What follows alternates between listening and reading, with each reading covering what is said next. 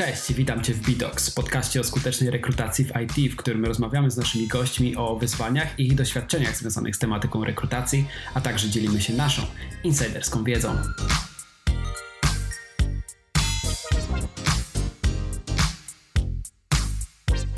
Z tej strony Bartek, a Ty słuchasz szóstego już odcinka naszego podcastu, w którym prawdopodobnie obalimy, a w sumie to moi goście obalą kilka mitów dotyczących pracy w korporacji.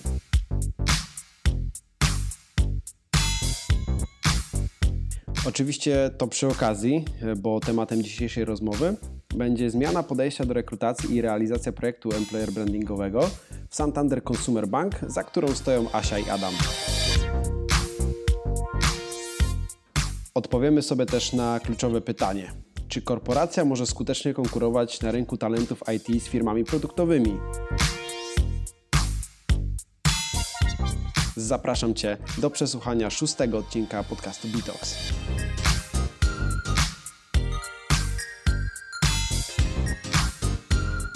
Wszystko gotowe, jesteśmy już live, e, moi goście też już są gotowi, e, a są dzisiaj ze mną Asia Szczepańska i Adam Piwek z e, Santander Consumer Bank. Cześć, dzień dobry. Cześć. No i właśnie, na początek chciałbym Was krótko przedstawić naszym słuchaczom. Asiu, pozwól, że zacznę sobie od Ciebie. Na początku swojej kariery zajmowałaś się szkoleniami i rozwojem, później byłaś wieloletnim konsultantem tematów związanych z zarządzaniem strategicznym, no a dziś e, jesteś HR Business Partnerem w Santander Consumer Bank. Przyznam szczerze, że ciekawa jest Twoja ścieżka kariery i chciałbym, żebyś troszeczkę więcej o, niej opowiedziała, o tym, e, jak ona się e, gdzieś tam kreowała, jak wybierałaś swoje kolejne, kolejne role w firmach.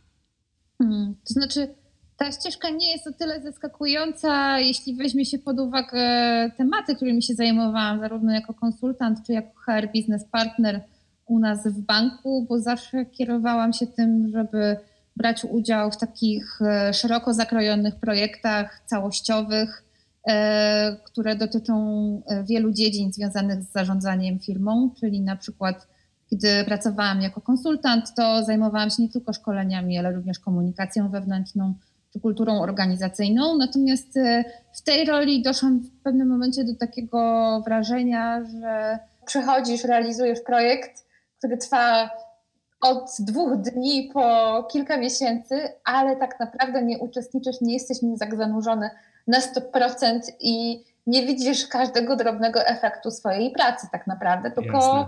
jesteś rozliczany za, za taki całościowy efekt. Pewnie. E, więc ja po prostu dojrzałam do tego, że chciałabym się sprawdzić, zweryfikować w trochę innych okolicznościach, e, bo miałam poczucie, że jeśli chodzi o bycie konsultantem, to tego takiego backgroundu back-office'owego bardzo mi e, tutaj brakuje.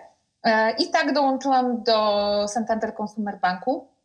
Bo przyciągnęło mnie na pewno do naszego banku to, że tutaj e, ta rola HR Business Partnera wcale tak mocno nie odbiega od bycia zewnętrznym konsultantem, mhm. zwłaszcza jeśli chodzi o różnorodność zadań.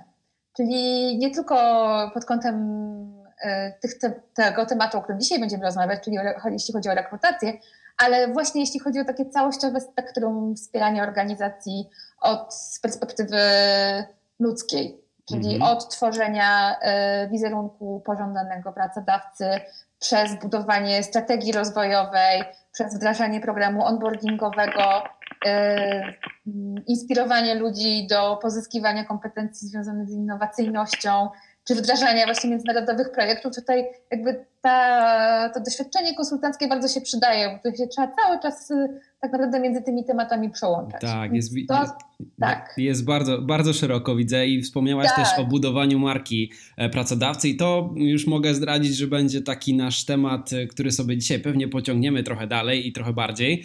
E, mhm. Natomiast chciałbym jeszcze przedstawić naszego drugiego gościa. Cześć Adam. E, no właśnie, Adam, twoja właściwie praktycznie cała kariera związana jest e, z marketingiem i PR-em. Obecnie jesteś e, social media managerem również Santander Consumer Bank, ale wspierasz też projekty CR-owe, z tego co wiem, i koordynowałeś, byłeś osobą odpowiedzialną za projekt employer brandingowy. No i właśnie, chciałem Cię tak na dobry początek Ciebie zapytać, w jaki sposób znalazłeś się w tym projekcie employer brandingowym?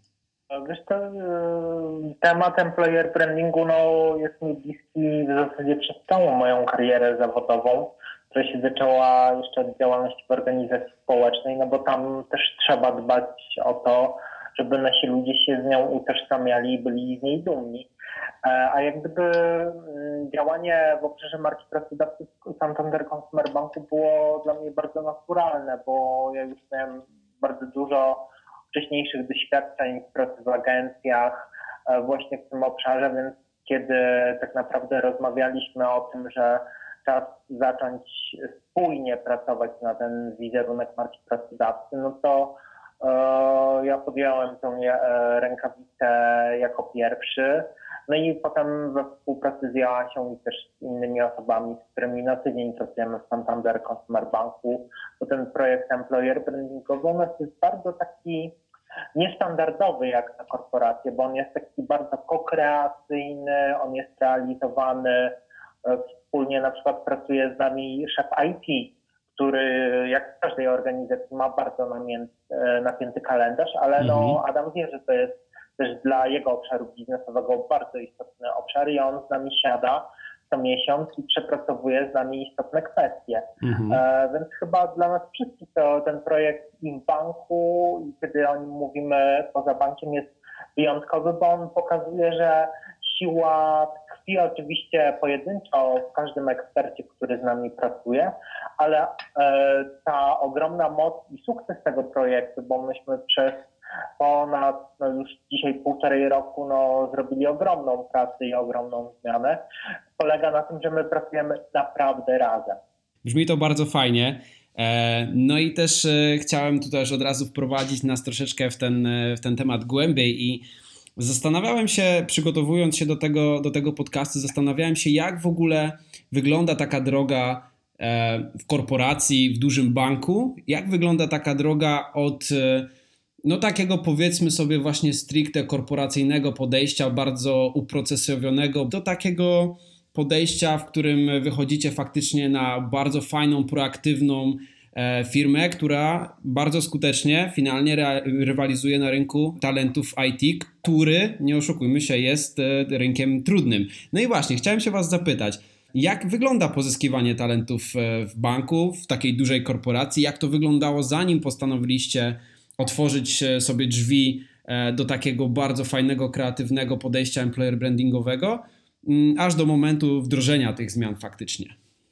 Ja myślę, że warto tutaj jeszcze jeden komentarz w kontekście tego uprocesowienia. Mhm. E, dużą zaletą jest to, że my jako bank e, nie jesteśmy aż tak bardzo uprocesowieni i Super. zaprocedurowani, jak mogłoby się wydawać, jeśli chodzi o mhm. instytucję finansową. To znaczy, oczywiście tam, gdzie trzeba, te procedury są, mhm. ale jednocześnie mamy, uważam, całkiem światły management, który absolutnie nie wyobraża sobie i nie wymaga też tego, żeby takie podejście korporacyjne e, było obecne na przy każdej decyzji i na każdym szczeblu. Czyli krótko mówiąc, myślę, że cieszymy się dużym zaufaniem. To był mhm. bardzo dobry punkt wyjścia do, do takiej pracy, no bo w takich warunkach jest o wiele o wiele łatwiej nawiązać ze sobą współpracę, kiedy wiesz, że nie musisz się właściwie nie wiem, mieć mail, mieć podkładki na każdym mailu, na każdą swoją czynność. Pewnie, właśnie tak. myślę, że to będzie fajna rozmowa, bo być może uda nam się przełamać kilka stereotypów, które się pojawiły gdzieś na rynku,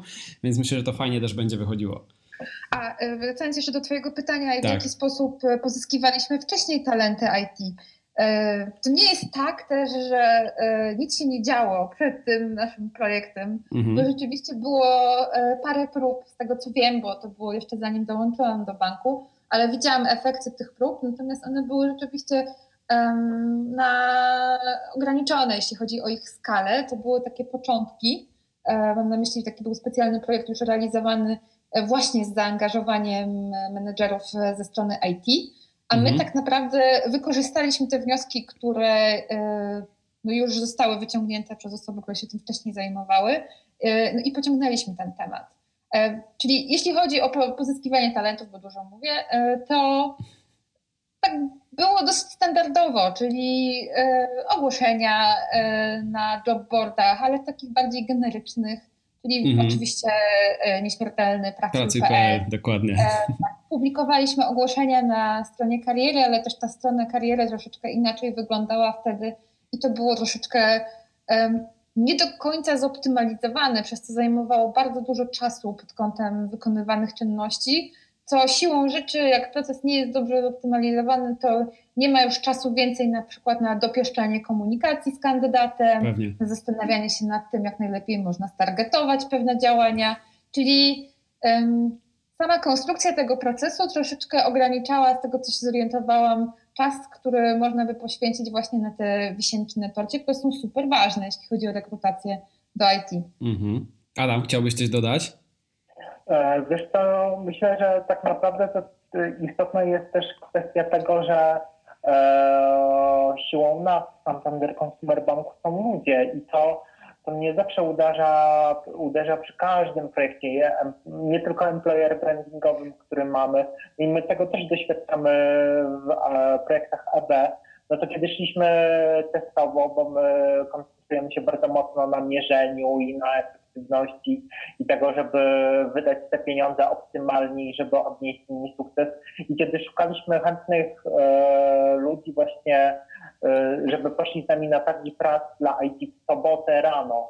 E, to po prostu, no, by, ja byłem, przyznaję się, mega zaskoczony, kiedy tak naprawdę przyszła, przyszedł do nas Waldek, e, Kasia, Agnieszka grupa kilkunastu naprawdę świetnych ludzi i dzięki temu ten e, employee experience e, tych ludzi, którzy z nami rozmawiali na tych targach był wiecie całkiem inny, bo mhm. oni nie rozmawiali tylko ze mną, człowiekiem z PR-u czy z Asią, e, rekruterem do IT, tylko rozmawiali z ludźmi, którzy wykonują te stanowiska, na które szukamy, tak? I tak. oni mogliby pracować. I to jest chyba najfajniejsze, że e, my jesteśmy ok, no jesteśmy bankiem, jesteśmy dużą organizacją, ale tak naprawdę i to też wiemy po badaniach naszego IT, u nas e, ci ludzie są najważniejsi, tak? I, e, i ci ludzie, jeśli są zadowoleni, to naprawdę oni poszli z nami w sobotę i to było dla nas fajne, wspólne doświadczenie, tak,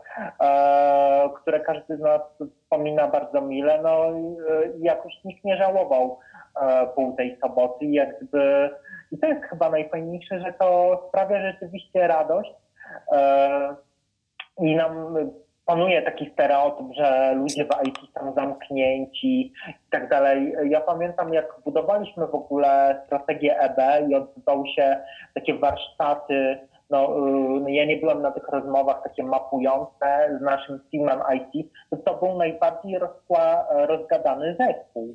O dziwo. E, który, który dyskutował, szukał rozwiązań i tak dalej. E, bo tak naprawdę kluczem w employer brandingu są ludzie, bo to bez nich się nie da robić tego employer brandingu, no ale też robimy go dla nich przede wszystkim. Ja myślę też, że właśnie tak e, Adam wspomniał o tym świetnym wydarzeniu, kiedy zaprosiliśmy IT do współtworzenia naszego stoiska właśnie na targach IT. Mhm. I to był strzał w dziesiątkę, bo mieliśmy faktycznie reprezentantów takich e, przedstawicieli, z którymi można było po prostu pogadać o tym, jak się u nas rzeczywiście pracuje, coś czego my jako przedstawiciele HR-u czy PR-u w życiu nie moglibyśmy zrobić na taką skalę, ale potem te osoby zaangażowane w tworzenie tego stoiska zadeklarowały, że one bardzo chętnie wezmą udział w ponownie w takim wydarzeniu, co przypominam, to była sobota rano.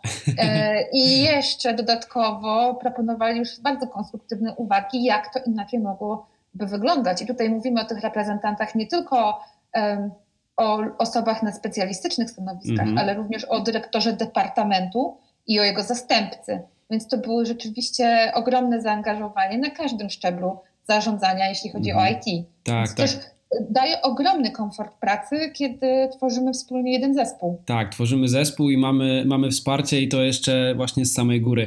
Bardzo fajnie mi się, bardzo podobało mi się stwierdzenie, że tak naprawdę, często, może nie często, ale czasem firmy jednak zapominają, że największym, największym aktywem, jeżeli to nie jest firma produkcyjna, tej firmy są ludzie i, i, i to, że oni tworzą tą organizację to jakimi I jeszcze jedna rzecz, Bartek, przepraszam, tak. że ci przerwę, bo też chciałam powiedzieć a propos tych ludzi.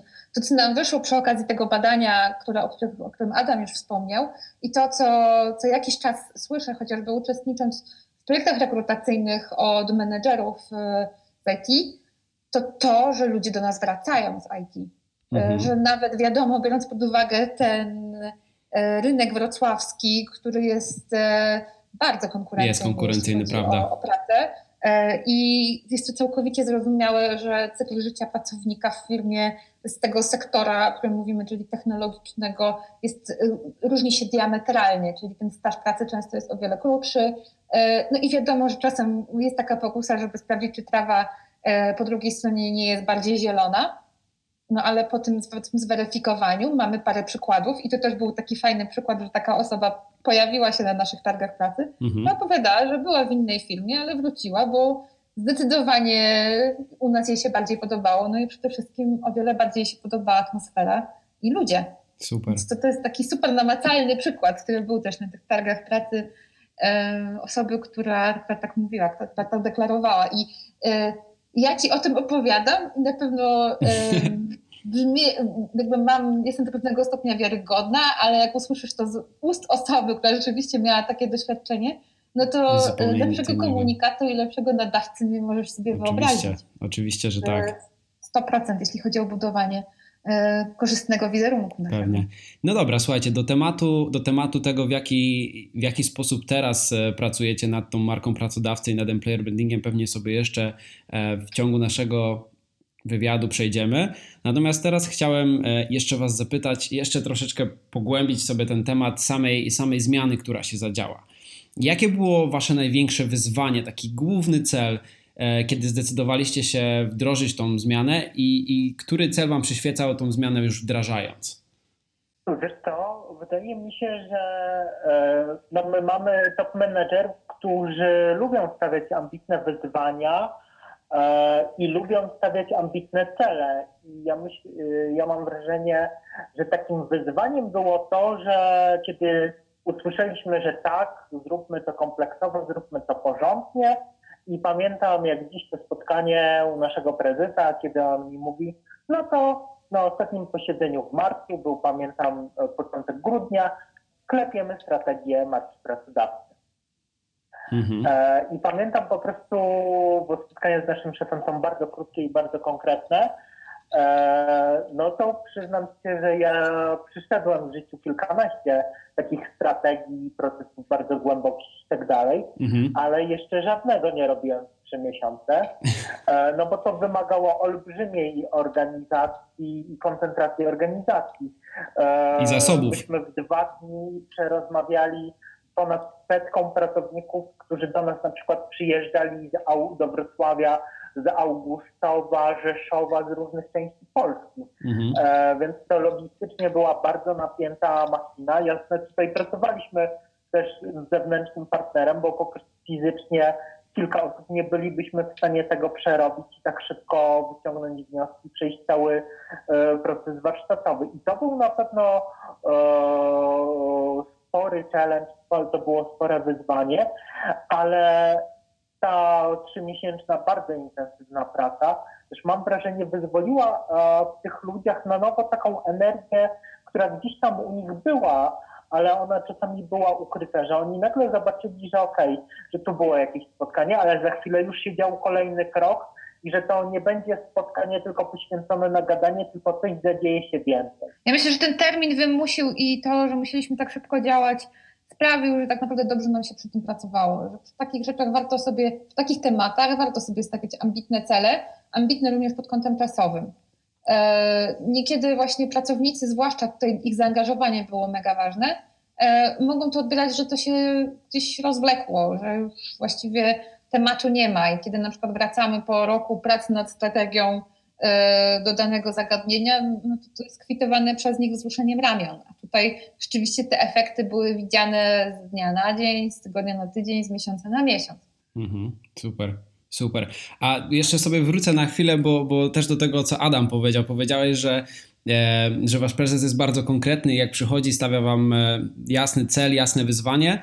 E, to myślę sobie tak też co sprawiło, jakby, jaki czynnik miał wpływ na to, że ta decyzja została tak podjęta? Ja, ja pewnie, pewnie będziemy musieli wejść trochę w, w głowę waszego prezesa, który, który tą decyzję podjął.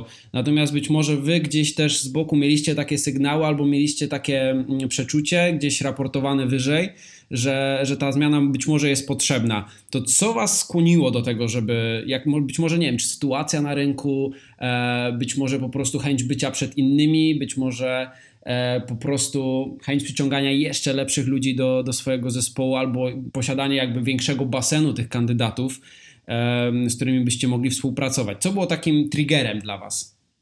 Ja myślę, że to nigdy nie jest jeden trigger, to zawsze jest wiele jakby skład wielu tych czynników, które wymieniłeś. Mhm. No, na pewno na pierwszym miejscu to zwiększenie puli kandydatów i zwiększenie efektywności kosztowej rekrutacji. Mhm. E, to znaczy zależało nam właśnie faktycznie na dotarciu do pracowników IT, no i też otrzymywaliśmy sygnały i sami widzieliśmy, że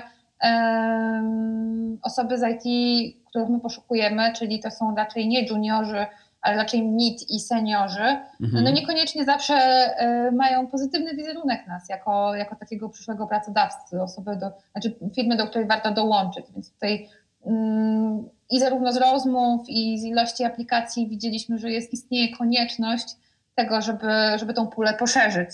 Y, to jest y, z jednej strony. Z drugiej strony, no też i to też było wymuszone takimi działaniami biznesowymi, bo my jako bank musimy się bardzo szybko i bardzo mocno zmieniać. Teraz już w ogóle pod, w epoce COVID-a to jeszcze bardziej. E, pod kątem cyfrowym musimy się digitalizować. Jasne. I te osoby są nam bardzo, bardzo mocno potrzebne. To jest nasz korowy zasób w tym momencie.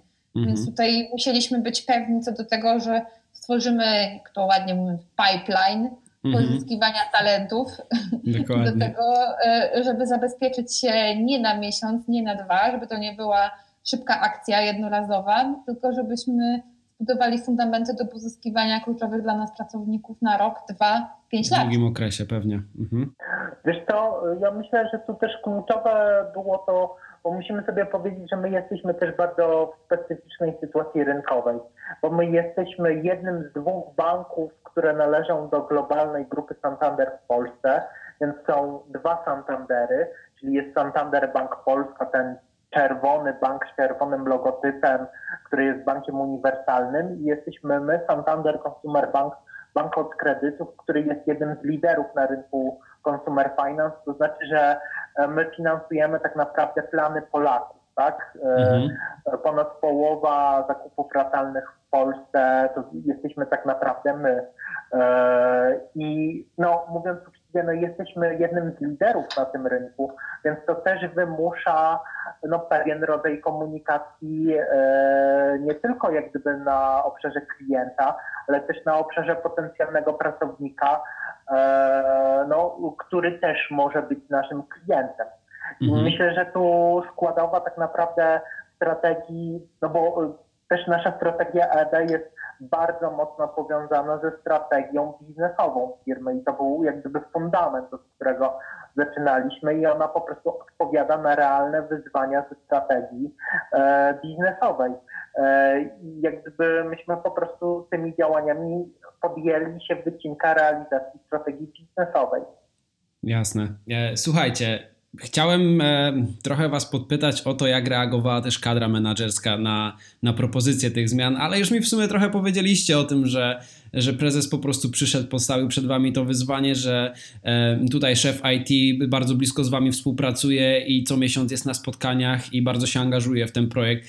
Więc myślę, że ten mit, który, który kolejny mit, który gdzieś tam mógł się pojawiać, e, rozmawiając o korporacjach, że kadra menedżerska jest często z betonu i ciężko cokolwiek tam przewalczyć. Dzisiaj został troszeczkę obalony i się okazuje, że nawet e, ci najwyższe, najwyżej rangą menadżerowie bardzo chętnie współpracują przy takich zmianach, które e, faktycznie korzystnie wpływają na, na biznes i na tą stronę właśnie biznesową, realizację celów biznesowych firmy, więc możemy sobie tak naprawdę ten, ten temat pominąć i zadam Wam takie pytanie, już tak z, bardziej może takiej teoretycznej strony.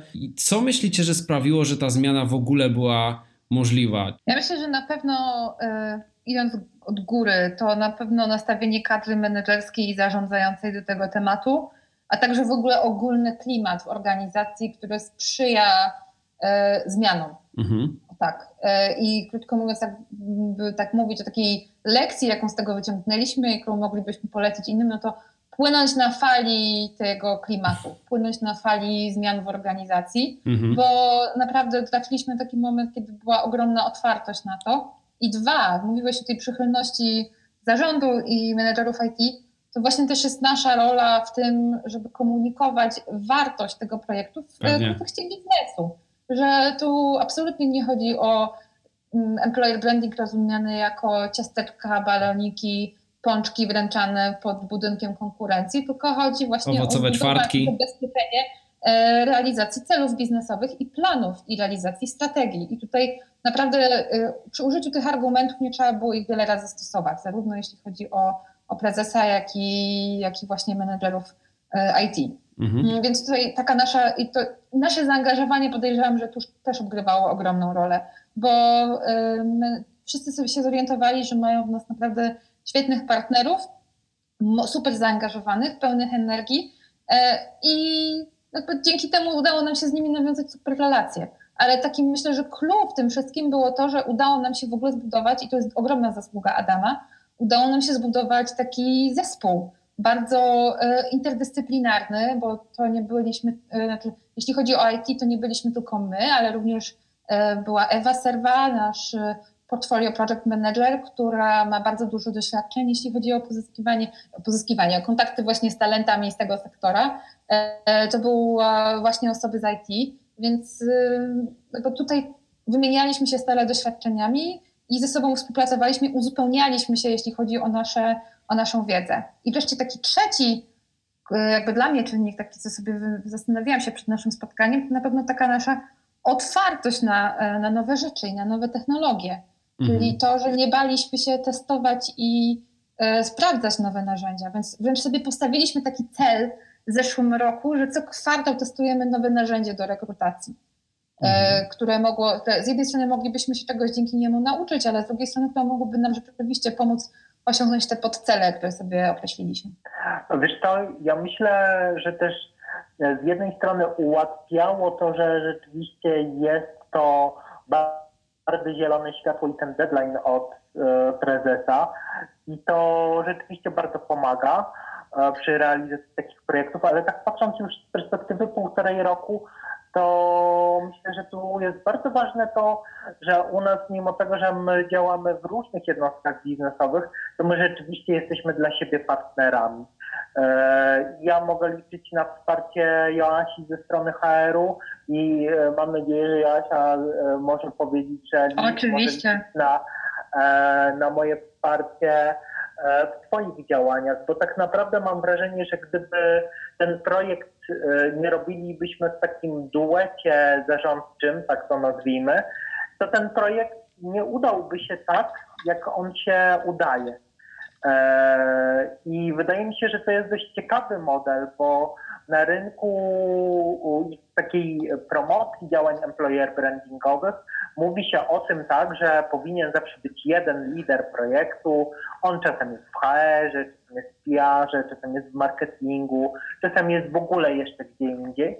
A myśmy jak gdyby poszli w całkowicie inny model, e, który jak gdyby tak w praktyce nam się sprawdził tak, bo my, tak zdradzając naszą kuchnię, my się z Asią stosujemy co tydzień, a co miesiąc spotykamy się z zespołem. E, jak gdyby no, my pracujemy po prostu day by day. Mhm. E, więc to nie są takie działania hoc. My ten harmonogram naszych działań mamy, powiedziałbym, bardzo precyzyjnie rozpisany.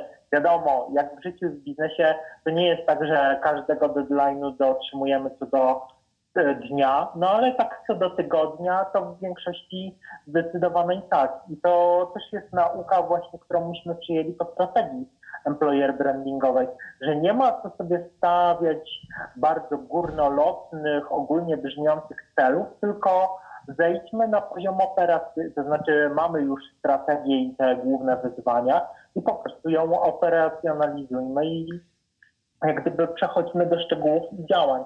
I chyba to dzięki temu też e, tak u nas w firmie działa, bo ludzie bardzo szybko dzięki temu zobaczyli pierwsze efekty, choć mówiąc, wiecie, tak e, no, z perspektywy działań na zewnątrz, to zobaczyli je no, całkiem no, ponad pół roku e, po zakończeniu prac strategicznych, bo my wiedzieliśmy, że musimy zrobić, odrobić też część akcji w tych działaniach zewnętrznych, które mhm. się działy i my to cały czas jak gdyby odrabiamy. To nie jest tak, że myśmy coś skończyli czy zrobili, nie wiem, badanie komunikacji tylko raz i ono się nie odbędzie, ono po prostu no, już się wpisuje w jakiś tam cykl działań.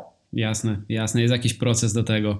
Słuchaj, a wspomniałeś też o, o, tej, o tej pracy operacyjnej, jak schodzimy sobie na ten level pracy operacyjnej. Właśnie chciałem też Was pytać o to, e, jaki spo, na, jakie, na jakie rozwiązania budujące Waszą markę pracodawcy się zdecydowaliście już? Podjęliście decyzję o zmianie, projekt ruszył e, i z jakich narzędzi, być może z jakich metodyk, na jakie rozwiązania się zdecydowaliście? E, wiesz co, my tak naprawdę w naszej strategii określiliśmy sobie kilka kluczowych grup docelowych, z którymi pracujemy i tak naprawdę per grupa jak gdyby pracujemy z konkretnymi działaniami, z konkretnymi rozwiązaniami, a nad tym można powiedzieć, mamy taki parasol ogólnej komunikacji e, związanej z marką pracodawcy. Mhm. Więc jak gdyby tutaj no to inna, inna jest komunikacja do, związana z pozyskaniem, w ogóle z utrzymaniem naszych konsultantów kontakt center, a inna jest na przykład w obszarze IT. Powiedziałbym, że prawie całkowicie inna, mhm. e, ale też na przykład takim bardzo, wydaje mi się, wartym przećwiczenia, doświadczeniem dla każdej marki jest rzeczywiście e, spotkanie się tych ludzi z różnych obszarów. E, no, ona, u nas się oni spotkają nieustannie i nie tylko w ramach procesu strategicznego, ale na przykład jak e, Natalia, Dominik, Łukasz, Ola, e, Tomek, Ewa i inni uczestnicy naszej sesji zdjęciowej, E, i sesji wideo, którą robiliśmy, e, no, mogli doświadczyć tego, że tak naprawdę niezależnie od tego, czy pracujesz w Krakowie, we Wrocławiu na Puchawczyce, czy jesteś naszym e, project portfolio managerem, no jesteś częścią tej samej firmy. I to jest chyba fajne, że te projekty wyzwalają taką energię w ludziach. Co do jak gdyby my korzystamy bardzo często z narzędzi, które już są w organizacji. E, pracujemy z wykorzystaniem elementów zwinnych, e, no ale jak gdyby no idealnie w Agile'u nie możemy pracować, bo my no, mamy też inne projekty, inne działania, w których się angażujemy. E, natomiast rzeczywiście widzimy to, że na przykład te comiesięczne statusy, które mamy, e, one bardzo pomagają i one też bardzo utrwalają wiedzę i też pomagają w komunikacji. Tym bardziej, no, że z perspektywy komunikacyjnej my mamy różne biznes unity różne jednostki, które odpowiadają za komunikację, na przykład w tych biznes unitach, e, czy nawet za rekrutację. I dzięki temu my też standaryzujemy pewne procesy wspólnie, że mimo tego, że one są szyte pod dany na przykład pod e, zatrudnianie mm, konsultanta na CC, to proces związany z, z zatrudnieniem doradcy w oddziałach czy programisty IT czy pracownika centrali e, jest na przykład wizualnie podobny. To znaczy oczywiście w CC widzimy ludzi, którzy są w CC, w centrali, tych, którzy są w centrali, ale jak gdyby te materiały są wewnętrznie spójne i ten proces jest podobny i podobnie wystandaryzowany i też podobnie badany. I chyba na tej spójności też wydaje mi się polega siła takich e, organizacjach jak nasza, że my trochę nie negujemy tego, co było wcześniej, bo część praktyk naprawdę była bardzo fajna i je kontynuujemy. I czasem na przykład pomagamy im się upowszechnić w innych biznes unitach. Mhm. Okay. A ja myślę też, że takim czynnikiem sukcesu tutaj, e, nie wchodząc na razie w konkretne rozwiązania, ale czynnikiem, który bardzo nam pomógł potem dobierać je adekwatnie, no to było jednak wykorzystanie też elementów modnego design thinkingu w naszych pracach, czyli mhm. też e, opieraliśmy się bardzo mocno na badaniach, e, opieraliśmy się mocno na, tworzyliśmy persony, tworzyliśmy ścieżki kandydata i zastanawialiśmy się właśnie nad różnymi doświadczeniami kandydatów właśnie do różnych obszarów, bo i też z badań dowiedzieliśmy się, że ich oczekiwania i doświadczenia są diametralnie inne. Znaczy dowiedzieliśmy się, to skrót myślowy, oczywiście podejrzewaliśmy, ale utwierdziliśmy się w, tym, w tych naszych podejrzeniach. Mhm. I na tej podstawie byliśmy w stanie ok, określić, dobrze, takie i takie doświadczenia, proponujemy e, takie i takie, myślimy o takich takich rozwiązaniach. E, na pewno musi być nad tym czapka ta spójna, o której powiedział Adam, czyli e, pod kątem grafiki, pod kątem osób z sesji zdjęciowej, pod kątem właśnie fotografii, żeby to wszystko można było łatwo zidentyfikować z naszą marką, ale już potem dzięki temu mogliśmy łatwo dobierać rozwiązania już pod to, by dotrzeć do konkretnej grupy i było nam o wiele łatwiej podjąć decyzję. Na przykład wchodząc już w konkret, e, wdrożyliśmy w zeszłym roku na przykład Emplobota.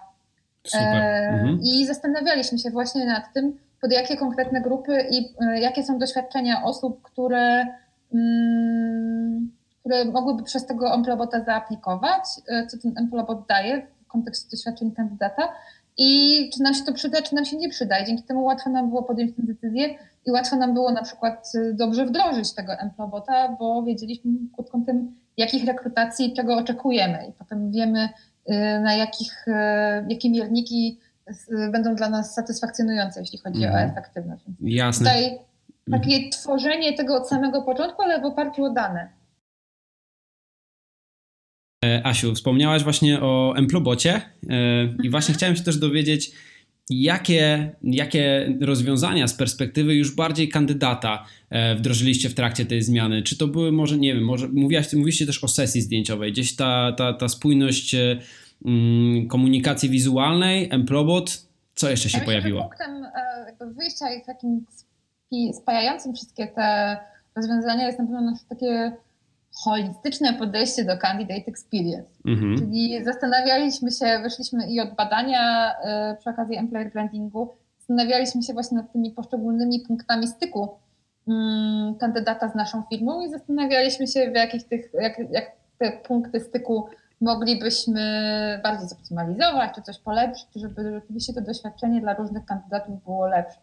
Więc y, są takie spektakularne rozwiązania jak Emplobot, które rzeczywiście w kontekście wizerunku naszej, naszego, na, nas jako pracodawcy innowacyjnego e, na pewno odgrywa sporą rolę, ale są też takie drobne elementy, ale których, o, o których nie można zapominać, jak na przykład komunikacja z kandydatem, gdzie też e, przeorganizowaliśmy, zmieniliśmy treści komunikatów wysyłanych do kandydatów zwracamy o wiele większą uwagę na to, żeby rzeczywiście było 100% odpowiedzi do kandydatów, którzy biorą udział w naszych procesach rekrutacyjnych. Pilnujemy tego bardzo mocno, żeby rzeczywiście każdy dostał od nas e, odpowiedź zwrotną jak najszybciej.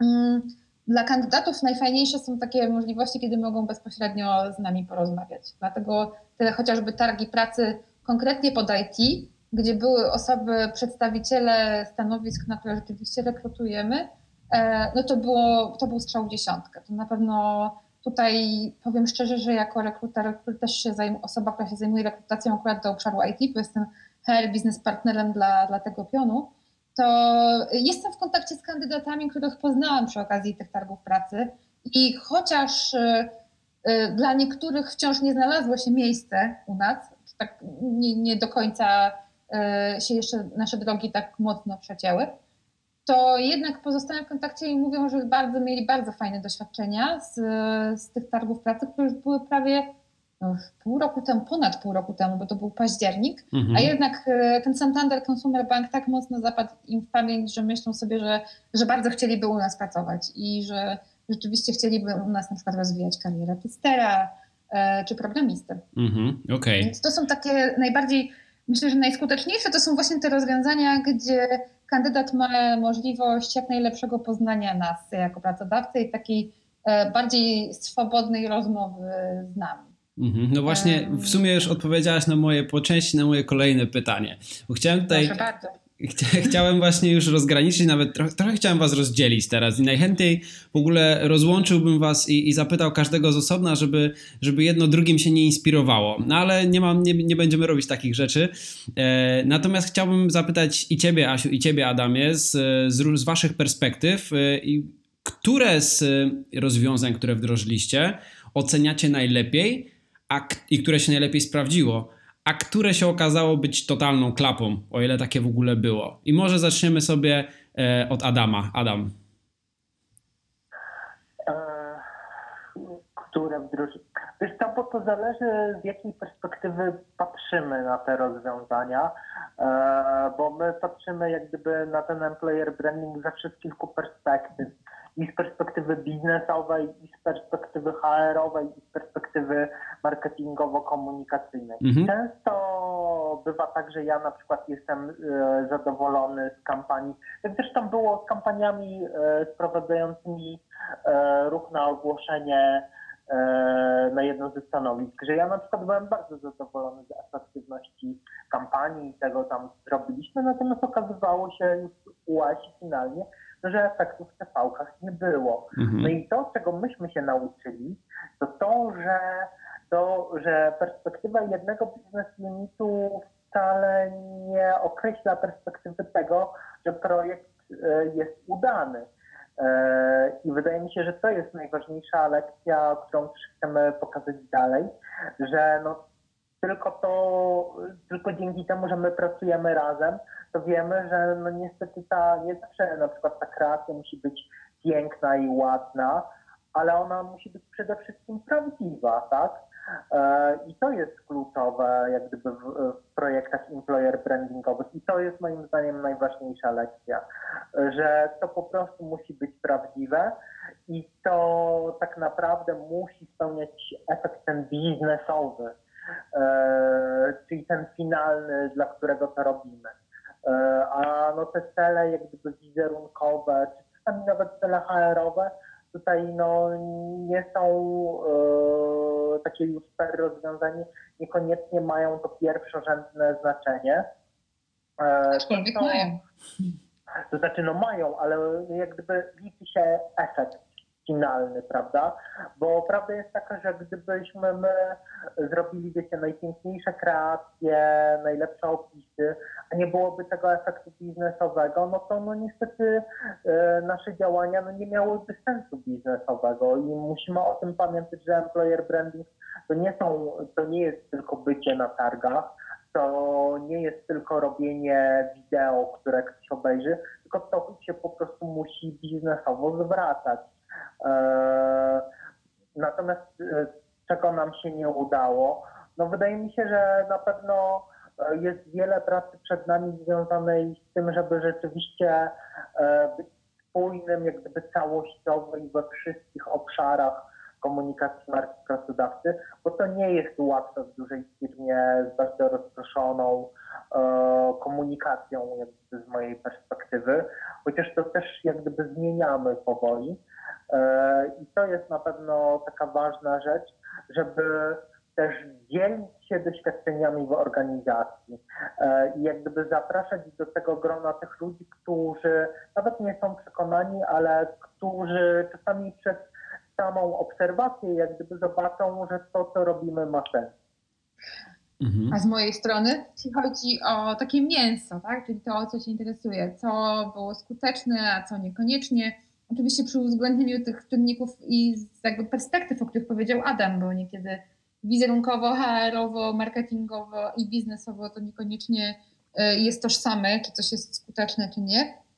Ale na pewno i wizerunkowo, e, i HR-owo skuteczne były te dedykowane targi pracy. Mhm. I to jeszcze przed COVID-em to bym powiedziała, że to jest to.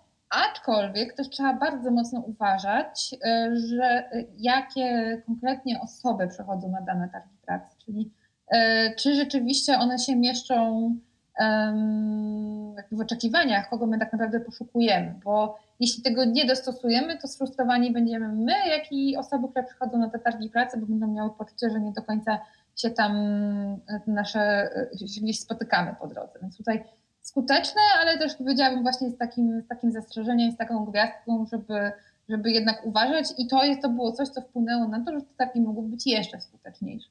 Mhm. Drugą rzeczą, która się na pewno sprawdziła, to, um, to były faktycznie te kampanie digitalowe oraz Emplobot, bo dla nas to otworzyło e, oczy, zwłaszcza w moim zespole, że ta rekrutacja no właściwie musi się odbywać online i to doświadczenie rekrutacyjne kandydata, ten cały candidate experience, on musi być e, tożsamy z doświadczeniem, jakie kandydat ma na przykład w sklepach internetowych, czy w ogóle w internecie, czy w aplikacjach takich gigantów jak e, Apple czy Google, czyli on oczekuje już zupełnie czegoś innego niż e, kiedyś jak to funkcjonowało, tak? Czyli że publikujemy ogłoszenie, wysyłamy naszą aplikację i czekamy. Mhm. Kiedy oczekują odpowiedzi w ciągu kilku dni, jeśli nie kilku godzin, czy to kilku minut, jak w przypadku Emplobota. E, I my też tutaj się dużo nauczyliśmy i dużo skorzystaliśmy dzięki takim digitalowym formom. I wreszcie zawsze strzał w dziesiątkę to dedykowane jobboardy. I warto sobie zarezerwować trochę funduszy, nie będę nazywać, ale wiadomo, że dla IT jest parę takich jobboardów i rzeczywiście tu pod kątem dotarcia do jakościowych kandydatów, to muszę powiedzieć, że rzeczywiście to był strzał w dziesiątkę i bardzo opłacalna inwestycja, jeśli chodzi o, o dotarcie do konkretnych kandydatów. Mhm. Tym, co nam się do końca nie udało, to na przykład takich digitalowych rzeczy, coś, co robiliśmy na przykład ostatnio. Czyli postawiliśmy takiego wspólnie z partnerem dedykowanego landing page'a pod rekrutację na konkretne stanowisko. No i tutaj e, powiedziałabym, że tu jesteśmy na początku drogi, bo pomimo tego, że ta kampania była dobrze stargetowana, to jeszcze, to jednak kandydaci, którzy na przykład do nas spłynęli, e, no nie mieścili się w profilu, na przykład jeśli chodzi o doświadczenie. E, którego my oczekujemy. Więc mhm. tutaj tak powiedziałabym, że przed nami jeszcze dużo, dużo pracy nad dobrym targetowaniem, dopasowywaniem kampanii online.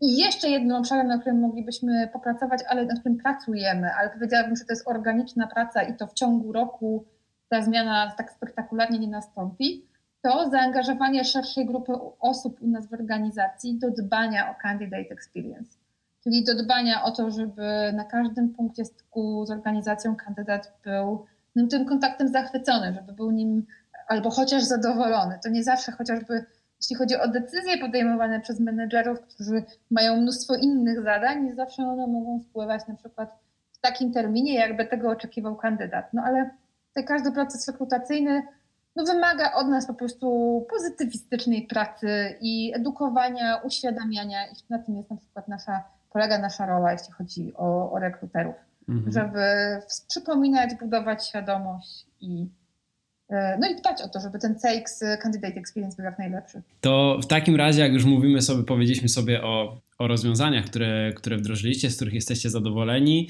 co wam zagrało, co nie, to teraz powiedzmy sobie o tym, jakie widzicie efekty swojej pracy. Co się zmieniło tak naprawdę przez ten, przez ten czas? E, z mojej perspektywy, jeśli chodzi o, o rekrutację, to na pewno mamy więcej kandydatów mhm. E, i mamy więcej dopasowanych kandydatów. Mamy więcej kandydatów z IT, którzy e, mieszczą się, odpowiadają naszym oczekiwaniom. Właśnie, chciałem do, doprecyzować, czy mówimy tylko i wyłącznie o oficie takim z doświadczeniem, czy też o ficie kulturowym? Mm, o ficie kulturowym. Hmm. Znaczy powiedziałabym, że to nie było, ten fit kulturowy jest zawsze ważny, ale nie powiedziałabym, że wcześniej mieliśmy problem ze znalezieniem okay. osób e, dopasowanych do nas kulturowo, bo przypominam, że nasze FLP ogólnie na rynku i to, o, co się o nas mówi we Wrocławiu, to to, że u nas e, jest tak ludzko i panuje bardzo dobra atmosfera. -hmm. Więc ktoś, komu na tym zależało, kto miał wiedzieć, ten wiedział. I okay. do nas trafiał i, i to od razu wyłapywał. -hmm. Ja jestem tego najlepszym przykładem, że też trafiłam tak do Santander Consumer Banku, słyszałam, że panuje tu świetna atmosfera pracy i w ogóle się, jeśli chodzi o to, nie zawiodłam. Okay. I to też od początku doświadczeń z, z moją szefową absolutnie mogę to potwierdzić. Mhm. Więc tutaj ten fit kulturowy no, nie był naszym takim głównym celem, chociaż my go stale badamy i sprawdzamy. Pewnie. No, bardziej mi chodzi właśnie o takie kwestie e, merytoryczne, czy jeśli chodzi o kwestie też świadomościowe, że jesteśmy inną instytucją niż duży Santander. Mhm. Okay. To to jest jeden z takich efektów. Drugi efekt jest taki na pewno, że przez tą synergię i przez to testowanie nowych rozwiązań już udało nam się bardzo dużo rzeczy zoptymalizować, jeśli chodzi o nasz proces rekrutacyjny. Bo wcześniej, tak jak Adam wspomniał, to troszeczkę było rozproszone. A teraz dzięki temu właśnie udało nam się sporo czasu oszczędzać na powtarzalnych czynnościach, na przykład na publikowaniu ofert w różnych miejscach, na dbaniu o to, żeby te oferty wyglądały super graficznie i spójnie, czy na przykład na postowaniu niektórych ogłoszeń na LinkedInie. E, mamy przygotowaną całą bazę do tego, mamy przygotowane narzędzia, mamy przygotowane templaty, szablony i dzięki temu możemy poświęcić więcej czasu na to, żeby się na przykład zastanowić nad tym, jak możemy fajnie e, skonstruować treść ogłoszenia albo ciekawy komunikat na LinkedInie, żeby rzeczywiście dotrzeć do tych osób, na których nam zależy, e, żeby przyłożyć się do komunikacji z kandydatami, e, żeby rzeczywiście udzielić im odpowiedzi na, na wszystkie pytania, jakie mają, jeśli chodzi o naszą pracę. Więc tutaj ja widzę taki ogromny, ogromną zmianę, jeśli chodzi o, o te kwestie, że widzimy całościowo tę rekrutację, widzimy ją całościowo również z perspektywy kandydata i bardzo dużo czasu oszczędzamy na rzeczach, które um, pozwalają nam, i dzięki temu właśnie możemy dostarczyć więcej wartości w takim kontakcie ludzkim, no i pokazywać tę naszą wspaniałą ludzką twarz. E, no dobra, to słuchajcie. Mamy korporację, mamy bank, który, który wdrożył fajną strategię i fajny, fajny projekt employer brandingowy, który dba o, o ludzi w swojej, w swojej firmie, gdzie ludzi, ludzie pracują z uśmiechem na twarzy. I po drugiej stronie mamy tą firmę produktową, tą tak, zwaną, ten tak zwany sexy startup. No i właśnie, pytanie, jaką macie przewagę konkurencyjną w walce o kandydata właśnie nad takim, takim startupem? Tak, zastanawiałam się nad tym, akurat tak się składa, że mój mąż jest programistą, to ja trochę za, tak regularnie z nim rozmawiam na ten temat mhm. i wyłapuję pewne sygnały. Teraz, kiedy pracujemy zdalnie, to już w ogóle mam bardzo dobre czucie tego, y, coś sprawdza w startupie, co niektórzy bardzo sobie cenią, a co niektórych może irytować. Akurat on sobie bardzo ceni współpracę w startupie, ale też widzę, że są tam pewne cechy, które mogą wpływać na, no, na to, że nie wszyscy mogą się w takim środowisku odnajdywać. Ja myślę, że takim najświeższym e, aspektem pracy u nas to jest e, COVID. COVID-19 i muszę powiedzieć, że w kontekście tego, co się dzieje na rynku pracy i to, jak funkcjonują pracodawcy, to no, my jako organizacja postępujemy e, bardzo fair i bardzo po partnersku. I w takiej sytuacji, kiedy ta WUKA nas dopadła, no to my oferujemy bezpieczeństwo i stabilność zatrudnienia. Mhm. E, zwłaszcza jeśli chodzi o też takie poważniejsze decyzje życiowe, e, no to w tym momencie jesteśmy trochę taką skałą E, a tak jak obserwujemy rynek wrocławski i dalej rynek polski, nie wszędzie w IT możemy o tym mówić. Mhm. To jest jeden aspekt. Inny aspekt jest taki, że tak jak już wcześniej wspomniałam, to u nas rzeczywiście ta cyfryzacja rusza pełną parą. E, cyfryzacja, w której uczestniczymy i którą też często jest nadawany rytm jej również z poziomu grupy, czyli z Hiszpanii. Czyli to jest taka możliwość udziału w szeroko zakrojonych, bardzo ciekawych projektach, które może nie zawsze na pierwszy rzut oka wydają się sexy, bo nie pracujemy nad na przykład w samych nowoczesnych, tak, aktualnych językach programowania, czy na super frameworkach, tylko niekiedy wymagają trochę e, kumania i zastanawiania się nad tym, jak możemy połączyć e, systemy legacy z, z tym, czego oczekujemy aktualnie, ale daje bardzo dużo satysfakcji i takiego czucia organizacyjnego i biznesowego i koniec końców uważam, że jest większym kopem, jeśli chodzi o rozwijanie swojej kariery w IT, mhm. niż tylko i wyłącznie koncentrowanie się na startupach, czyli daje taki o wiele y, większe czucie biznesu, y, wiele, wiele lepsze czucie jego potrzeb, y, no i budowanie sobie takiego big picture, gdzie na przykład ktoś myśli o stanowiskach menedżerskich, to na pewno daje o wiele, wiele więcej.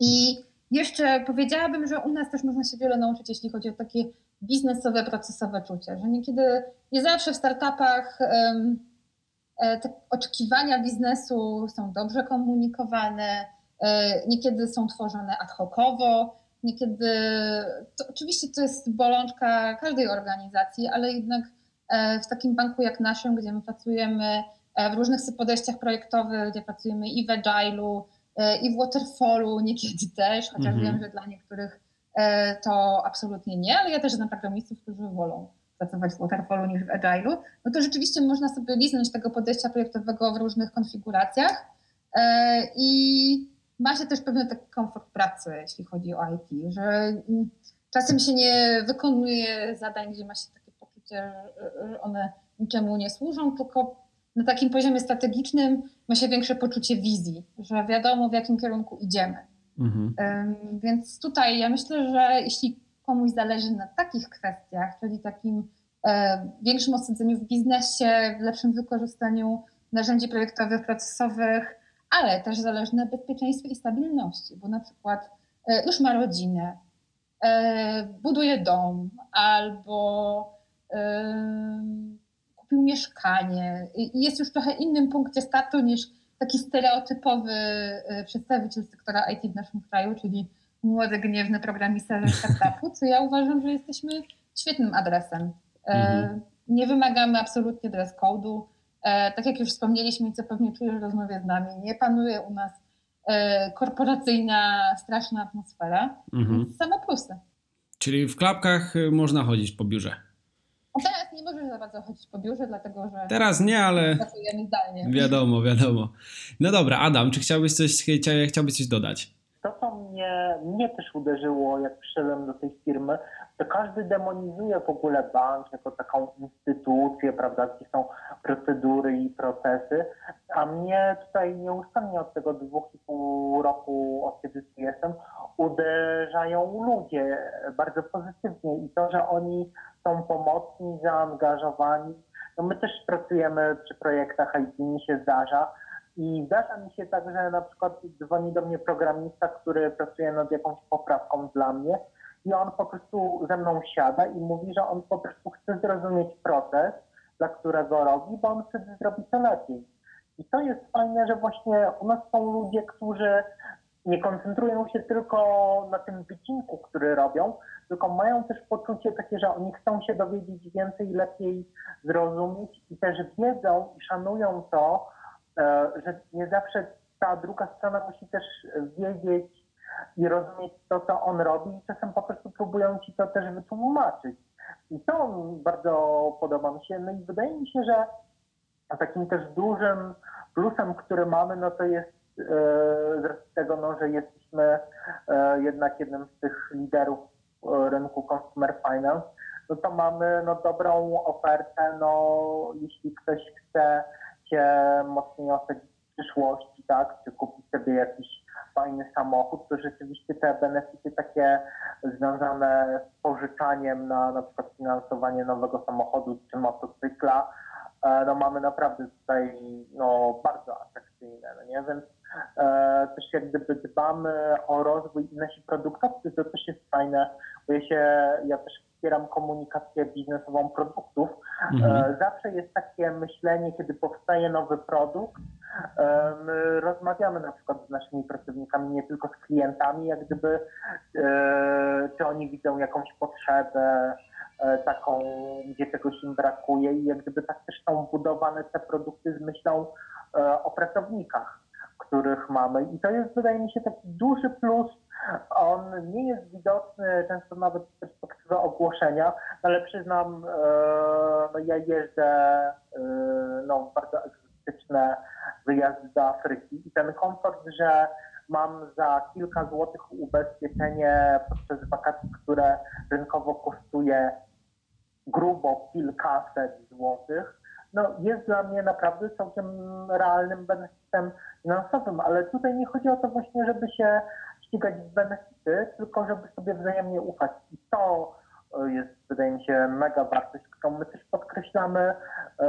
w komunikacji naszej, tutaj naprawdę się ufa i wierzy ludziom i że daje się im naprawdę odpowiedzialne zadania.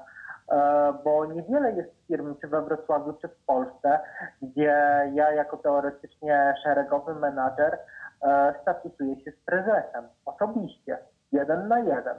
I to mhm. też, e, czy z dyrektorem jakiegoś dużego biznes limitu. I to pokazuje, że jak gdyby, że u nas jeśli chcesz, to naprawdę możesz e, wyjść z inicjatywą. Mówiąc bardzo uczciwie, no inicjatywa projektu EBA, ona wyszła ode mnie. I od pierwszego spotkania w miesiąc była decyzja, że to robimy. Więc to też nie jest tak, że się nie da. Bo po prostu jeśli chcesz, to możesz. No dobra, słuchajcie, powoli, powoli będziemy sobie zmierzać już do, do końca naszej rozmowy. Mam jeszcze do Was dwa pytania. Pierwsze to jest, to jest temat takich lessons learned dotyczących zmiany, którą e, moglibyście przekazać naszym słuchaczom. Już parę pewnie się przewinęło w trakcie całej rozmowy, ale jakbyście mieli wybrać taką jedną, ja wiem, że może być trudno, ale też chciałbym, chciałbym żeby to było w miarę możliwości zwięzłe. Jest taka jedna lessons learned dotycząca wprowadzania takiej istotnej zmiany e, w firmie takiej jak wasza. E, to ja zacznę, bo ja zawsze to powtarzam, kiedy ktoś mnie pyta o moje wrażenia pracy w Santander Consumer Banku i o projekty, które realizuję, zdobądź sojusznika. I najlepiej, żeby twoim sojusznikiem był Adam Piwek. Bo naprawdę e, od samego początku, od day one, mieć dobre nastawienie do współpracy i w ogóle nie przywiązywać się do etykietek, że ja jestem z departamentu X, a Adam z departamentu Y i że nasze cele nie zawsze ze sobą korespondują, tylko otwarcie się komunikować, E, i ufać sobie nawzajem. I mhm. absolutnie sojusznik to jest coś, od czego trzeba zacząć od samego początku. Super. Adam? E, no to ja bym powiedział, że musisz znaleźć Jannę Szczepańską e, po drugiej stronie, ale też wydaje mi się, że trzeba nie tylko słuchać, trzeba nie tylko obiecywać, ale trzeba pokazywać efekty nawet jeśli są całkiem inne od tego, o którym mówiliśmy, e, bo nam się to też zdarzyło i myśmy, ja pamiętam na zarządzie, jak e, tam opowiadałem o tych KPI-ach, które mamy, ja mówię, ale wiecie, to, że my tak zakładamy, to wcale się może okazać, że tak nie będzie. No i często tak nie było. Ale to chodzi o to, żeby mieć tą odwagę do tego, żeby nie tyle, to znaczy popełniać błąd, bo to się zdarza, ale żeby jak gdyby potrafić znaleźć w działaniu często jak gdyby efekt, którego nie zamierzaliśmy i o tym po prostu też powiedzieć wprost, a nie udawać tylko, no nie, no nie, ten, no nie osiągnęliśmy tego celu.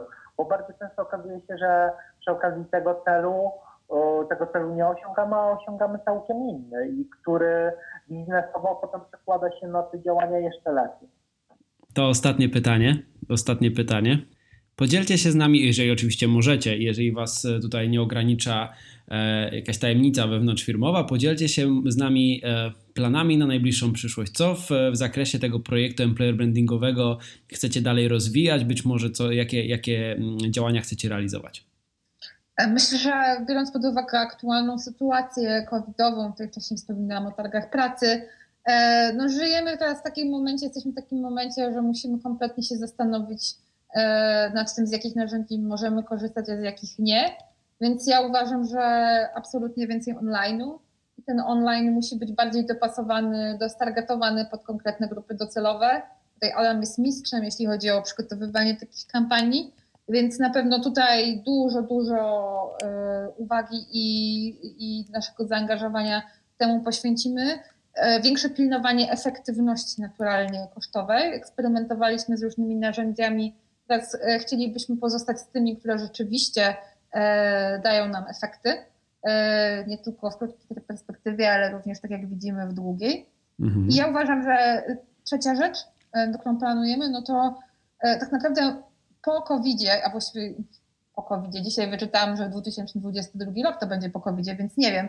Ale biorąc pod uwagę to, jak to się mocno dużo pozmieniało w ciągu ostatnich trzech miesięcy, to musimy sobie zrobić takie odświeżenie potrzeb i przyjrzeć się temu, bo e, każda firma zmienia swoje podejście do biznesu, musi zmienić swoje podejście do biznesu, więc my po prostu musimy iść e, ramię w ramię z tym podejściem, musimy się do tego dostosować, więc na pewno tutaj trzeba będzie zrobić pewien e, refreshment, pewne odświeżenie. Mhm. Adam? E, wydaje mi się, że e, jakby musimy popatrzeć na ten aspekt z kilku perspektyw. Jak gdyby my wiemy to z jakichś badań czy ankiet, że e, nasi pracownicy jak gdyby czują się z nami bezpiecznie. Myśmy też przy wsparciu Asi i innych rekruterów no, bardzo mocno zmienili ten proces rekrutacyjny no, na proces full zdalny tak naprawdę. I tak naprawdę to, że myśmy weszli w obszar digitalowy, to pokazuje, że no to była po prostu dobra decyzja. E, na pewno musimy się nauczyć słuchać jeszcze bardziej, wydaje mi się, potrzeb kandydatów e, i jeszcze lepiej odpowiadać na potrzeby biznesu, tym bardziej, że teraz one się no, zmieniają, bo te priorytety biznesowe w obrębie każdej organizacji, no aktualna sytuacja zmienia. Mhm. Tak. A jak gdyby no employer branding, e, ja zawsze mówię, że employer branding to tak naprawdę to są właściwi ludzie na właściwym miejscu. Więc jeśli mamy pomóc w tym, żeby właściwi ludzie byli na właściwym miejscu, no to musimy być jak najbliżej biznes. Mhm. I myślę, że to jest taka bardzo fajna puenta naszego dzisiejszego spotkania, to, że ludzie, właściwi ludzie powinni być na właściwym miejscu i, i tego Wam życzę osobiście, żebyście budowali swoją markę i pozyskiwali tych właściwych ludzi na właściwe miejsca w Waszej organizacji. E, no i co, chciałem Wam podziękować za dzisiejszą, za dzisiejszą rozmowę. Moimi gośćmi była Joanna Szczepańska, HR Business Partner w Santander Consumer Bank, e, no i Adam Piwek, e, Social Media Manager i osoba odpowiedzialna, pomysłodawca projektu employer brandingowego również Santander Consumer Bank. Słuchajcie, dziękuję Wam e, niezmiernie za tą rozmowę i mam nadzieję do usłyszenia niedługo.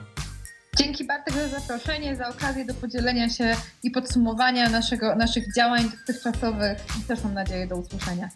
Dzięki Wam. Cześć, trzymajcie Dziękujemy. się. Cześć.